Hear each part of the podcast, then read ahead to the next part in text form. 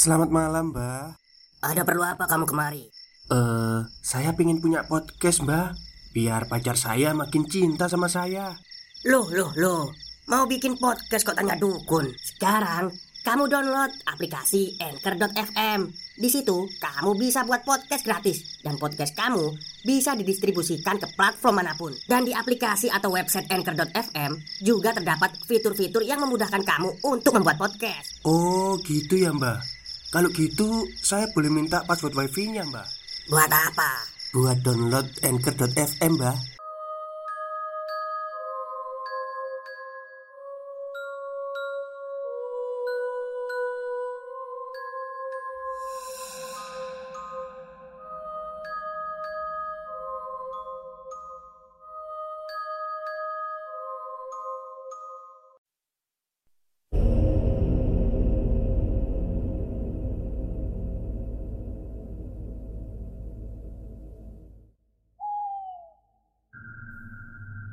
Assalamualaikum warahmatullahi wabarakatuh. Halo semuanya Jumpa lagi dengan saya Chow Sing Sing Kurator dari podcast Horror Night Story. Halo apa kabar semuanya? Semoga kalian semua baik-baik saja ya. Dan seperti biasanya Pada siang hari ini saya kembali Dan akan menghadirkan sebuah kisah mistis untuk kalian semua Kisah mistis kali ini saya datangkan dari treat horornya Mas Kalong Yang menceritakan tentang pesugihan. Oke Daripada kita berlama-lama Mari kita simak ceritanya. Segala bentuk nama dan lokasi dalam cerita ini akan disamarkan demi melindungi pihak lain yang ada dalam cerita.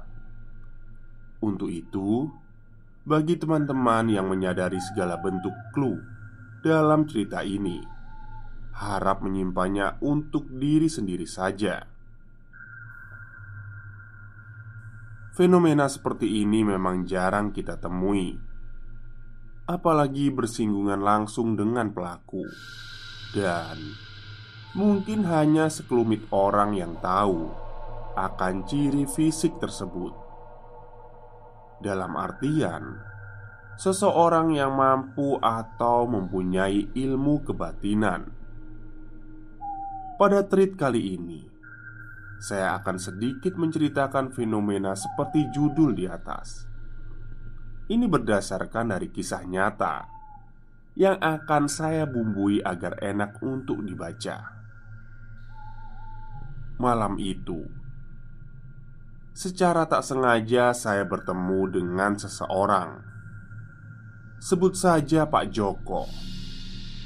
Kami berdua sudah saling mengenal dan satu sama lain. Ngobrol Sembari menikmati kopi di angkringan. Sampai Di suatu obrolan kami berhenti.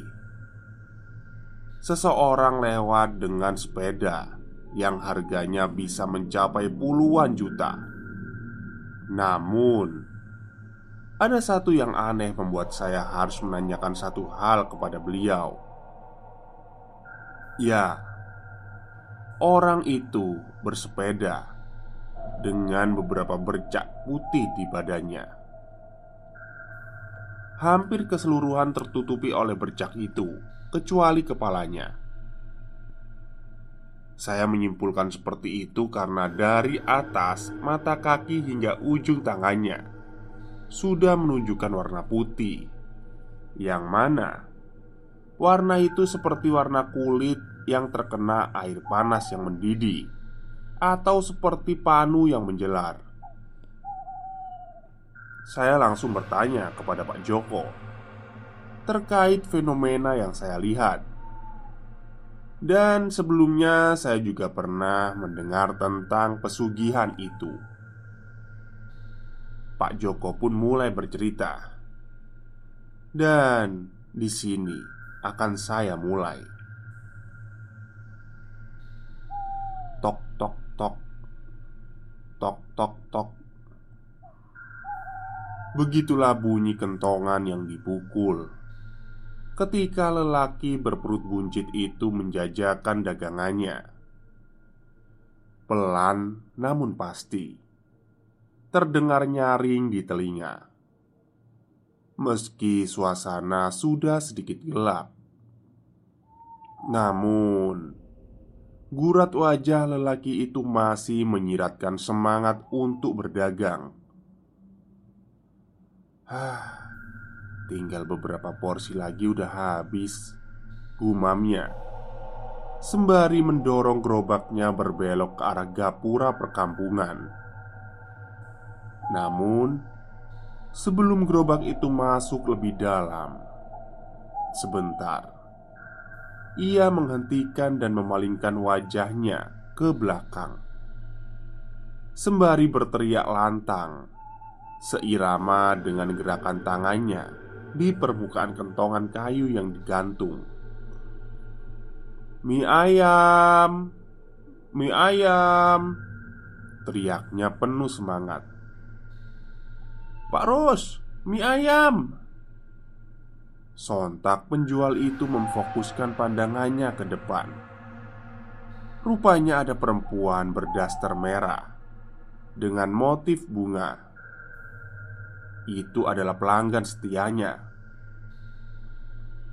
Pak Rus lantas menghampiri perempuan itu yang biasa disapa Mbak Nur. Mie ayam tiga porsi ya pak Seperti biasanya Pinta Mbak Nur Sudah 10 tahun lamanya Rusman berdagang mie ayam keliling ia dan sang istri memberanikan diri mengadu nasib di kota, mencari nafkah jauh-jauh dari desa, hanya berbekal ilmu membuat adonan mie yang ia pelajari turun-temurun dari keluarga. Meski telah bekerja tak kenal lelah, hidup mereka masih saja tak berubah mereka berdua tinggal di rumah kontrakan. Ruangan sebesar 4 kali 4 meter itu Menjadi saksi bisu perjuangan keduanya Dalam melawan ganasnya roda kehidupan. Sempit. Namun di sanalah mereka bernaung dan merebahkan segala lelah Yang melanda seusai lelah bekerja kerja seharian Setiap pukul 02 dini hari. Rusman beserta istrinya selalu rutin ke pasar Untuk membeli bahan-bahan dasar mie ayam Yang akan mereka olah sebelum akhirnya Rusman jajakan.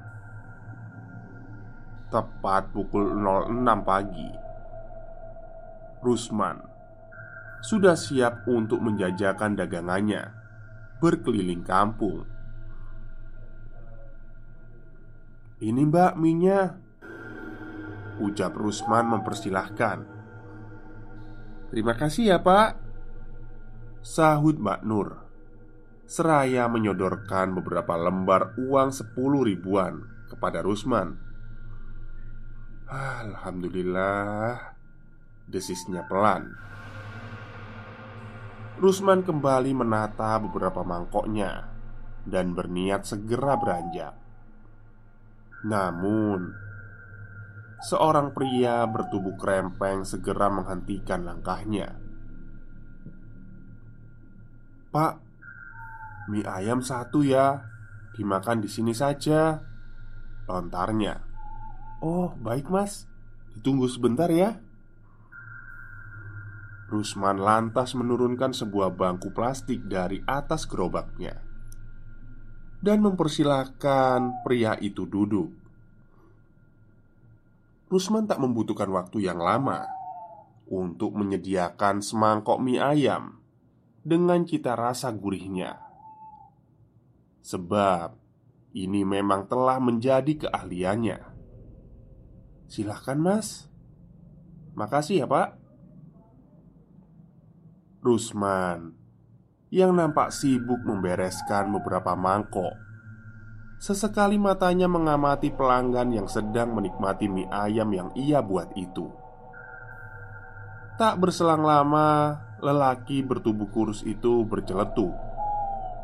Hmm, enak pak. Rusman tersenyum kecil. Ada sedikit kebanggaan dalam hatinya. Hehe, makasih mas Sautnya pelan Selama hampir 15 menit Rusman menunggu pelanggan itu selesai menyantap minyak Seusai menerima bayaran Rusman segera membereskan mangkok dan mengembalikan kursi pada tempatnya semula. Ia lantas kembali mendorong gerobaknya berkeliling menyusuri jalan. "Besok lewat sini lagi ya, Pak," kata pria itu. Rusman terus berjalan sembari memalingkan wajahnya ke belakang lantas mengacungkan jempolnya ke atas.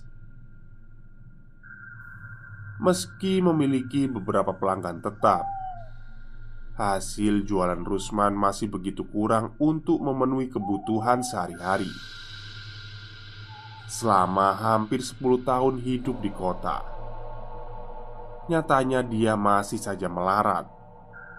Ditambah lagi, ia juga istrinya yang belum memiliki momongan seolah menambah beban dalam hidupnya. Mereka tak lantas menyerah. Keduanya berusaha keras agar momongan itu hadir di tengah-tengah mereka. Akan tetapi, sekeras apa pun upaya manusia, tetap Tuhanlah yang menentukan. Beberapa saat berjalan, Rusman memfokuskan pandangan beberapa meter ke depan. Di sana, di mana sebuah pos kampling tampak begitu ramai. Rusman mempercepat langkahnya, berharap salah satu dari kumpulan pria parubaya itu bersedia membeli dagangannya.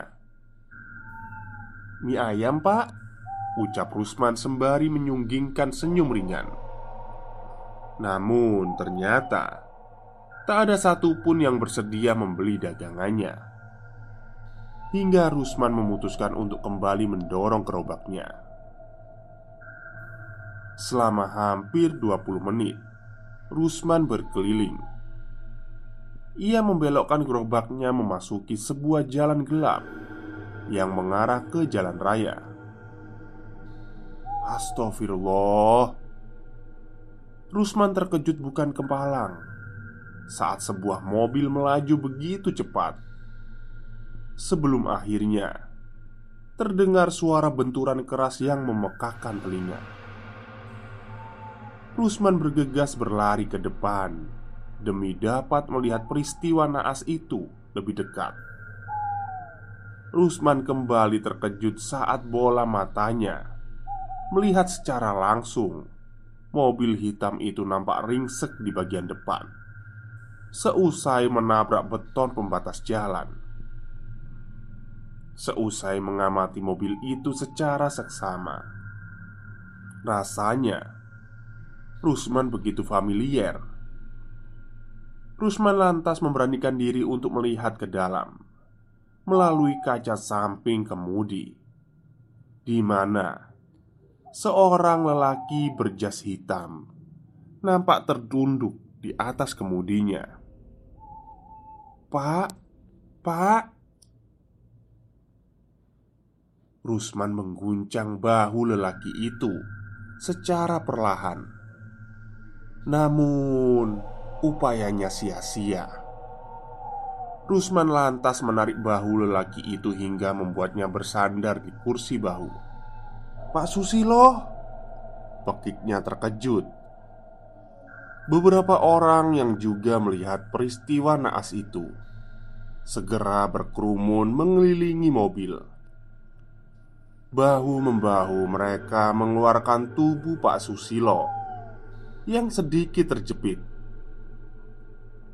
Rusman Yang juga turut andil dalam upaya evakuasi itu, seolah tidak percaya bahwa korban kecelakaan adalah tetangganya sendiri. Stop, stop. Kita break sebentar. Jadi gimana? Kalian pengen punya podcast seperti saya? Jangan pakai dukun, pakai Anchor. Download sekarang juga. Gratis. Seusai berhasil mengeluarkan tubuh Pak Susilo, Rusman lantas mengedarkan pandangan ke beberapa penjuru. Seolah ada sesuatu yang menarik perhatiannya. Benar saja Ia mendapati ada kejanggalan Yang nampak nyata di depannya Namun Selekas kemudian ia tepis begitu saja Mengingat banyaknya orang yang tengah dilanda kepanikan malam itu Beberapa orang nampak sibuk menghubungi tenaga medis. Ada pula yang menelpon pihak berwajib demi mengusut penyebab peristiwa naas malam itu. Alhamdulillah, masih hidup, masih hidup. Seru seorang lelaki. Seusai memastikan detak jantung Pak Susilo, tak berselang lama Sirine mobil ambulan terdengar meraung-raung dari arah selatan. Semua orang nampak lega melihat mobil ambulan telah datang. Beberapa tenaga kesehatan segera memindahkan tubuh Pak Susilo di atas tandu dan segera melarikannya menuju rumah sakit. Seusai Pak Susilo dievakuasi ke rumah sakit. Rusman kembali mengamati mobil hitam itu. Sepintas ia merasakan ada hal ganjil dari mobil yang nampak ringsek itu.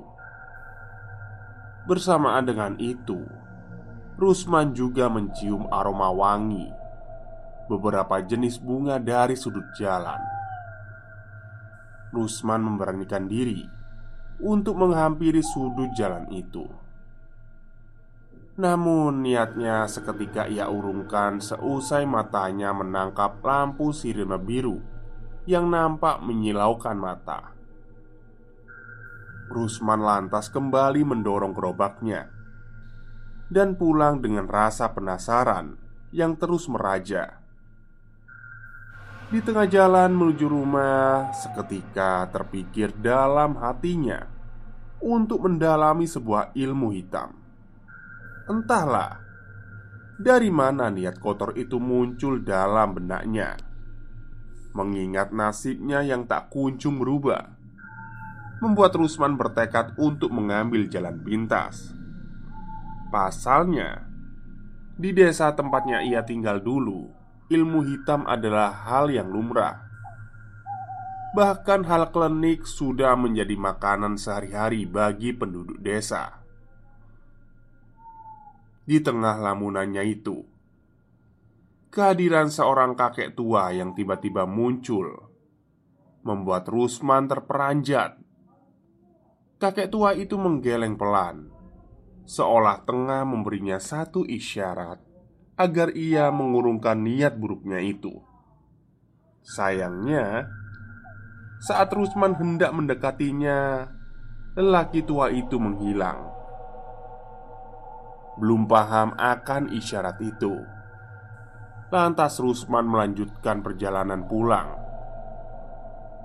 Hati dan pikirannya telah dirasuki, dikuasai oleh niatan untuk mendalami ilmu hitam. Bahkan tanpa memikirkan sedikit pun akibat dari perbuatannya kelak. Bosan dirundung kemiskinan, Rusman diam-diam mencari jalan pintas. Akhirnya, ia memilih untuk mempelajari ilmu hitam, menukar nyawanya dengan harta. Rusman baru ingat Beberapa hari yang lalu, tepatnya saat mengobrol dengan seseorang di sebuah warung kopi. "Gimana, Rus? Daganganmu laris?" Tanya lelaki di depannya yang biasa dipanggil Kartiman Ya, seperti biasanya man Kadang masih, kadang habis Jawab Rusman pelan Sembari mengaduk-aduk kopi hitam miliknya yang masih panas. Kartiman memberi isyarat Rusman untuk mendekat. Sini. Kalau kamu mau laris Aku ada solusi. Tapi Beresiko Apa man? Jawab Rusman. Kala tak tahan lagi dengan rasa penasarannya Setelah mendengar Kartiman. Eh... pesugihan Rus. Jawab Kartiman pelan. Penuh antusias disertai senyum tawa mengembang. Sejenak Rusman terdiam. Rusman sendiri yang awalnya hanya mengerutkan kening Menatap penuh selidik ke arah Kartiman. Tak beberapa lama Perasaan itu kembali memancar Bahkan terlihat jelas dari raut wajah Rusman. Rusman semakin antusias untuk mendengar penjelasan dari Kartiman. Pesugihan opo man? Tanya Rusman semakin penasaran. Pesugihan bulus jimbung. Sudah, ayo pergi. Nanti aku jelaskan saja di rumah Pungkas Kartiman mengajak Rusman untuk segera meninggalkan tempat itu. Perbincangan seputar pesugihan itu terus berlanjut Hingga keduanya sudah berada di ruang tamu. Kartiman Masih sibuk ker dengan kertas yang ia bolak-balik Seperti mencari sesuatu. Sampai akhirnya Rusman terkejut Dengan satu ucapan keras dari Kartiman Menyebut sebuah nama desa Rusman terhenyak setelah mendengar nama desa itu ia tahu betul dengan desa itu. Desa di mana salah satu perempuan yang bernama Siti yang tak lain istri dari Rusman dilahirkan. Namun, setelah orang tua Siti meninggal, Rusman mengajak istrinya tinggal di kampung halamannya. Rusman berpikir sejenak, apakah ia akan mengambil jalan itu atau tidak sama sekali. Ia yang tengah duduk di kursi tamu berwarna merah coklat memudar sambil menghiraukan rokok yang kini sudah mulai terbakar habis. Tak menyadari jika di belakangnya ada sosok wanita yang tengah terdiam memperhatikan penuh rasa heran akan sikapnya. "Mas, Mas Rus, kenapa Kok ngelamun? Tanya sang wanita Yang tak lain istri dari Rusman Kala tak tahan lagi dengan rasa penasaran melihat sikap suaminya itu Rusman tergelak kaget Mendengar suara istrinya Yang kini sudah berdiri tepat di belakangnya Sambil menyentuh bahunya. Membuyarkan lamunan si Rusman. Namun tak berapa lama Raut wajah Rusman terlihat memancar Bahkan lebih terlihat jelas Saat dirinya ingin membicarakan suatu hal kepada istrinya itu Entah berapa lama. Siti terhanyut oleh penjelasan dari suaminya Tentang pesugihan yang akan ia lakukan. Siti menolak. Namun, sesaat kemudian Siti mengiyakan. Setelah Rusman memberitahu jika ke depannya mereka akan hidup berkelimang harta, hingga tiba ia bangkit dan beranjak menuju kamar mandi yang ada di belakang. Setelah menahan beberapa menit, menuntaskan hadatnya. Rusman hendak kembali di mana Siti sedang menunggu. Namun langkahnya seketika terhenti manakala pintu kamar mandi tiba-tiba tertutup keras. Netranya menangkap satu sosok tengah berjalan cepat, nyaris berlari ke arah samping ruangan kamar mandi. Ia penasaran. Baru saja kakinya menginjakkan lantai dapur. Pencariannya terhenti ketika Rusman mendengar teriakan keras istrinya. Di saat itulah Rusman baru menyadari istrinya sudah tergeletak di lantai. Dengan tergesa-gesa, Rusman membopong tubuh Siti masuk ke dalam kamarnya. Setelah beberapa kali Rusman mengoles hidung Siti dengan minyak kayu putih Akhirnya Siti sadar. Saat itulah Rusman berniat untuk menanyakan kepada istrinya Perihal apa yang terjadi beberapa menit yang lalu Namun setelah melihat kondisi Siti yang masih shock Ia urungkan niatnya. Pagi hari Setelah mengalami hal buruk itu Rusman masih teringat dengan ucapan Kartiman tempo hari. Ia berniat siang hari ini akan bertolak ke kampung halaman istrinya Setelah berpamitan dengan Siti Wajahnya terlihat semakin bersemangat Terlihat jelas dari pancaran indera penglihatannya sebuah semangat yang menggebu-gebu. Lain halnya dengan Siti, istri Rusman.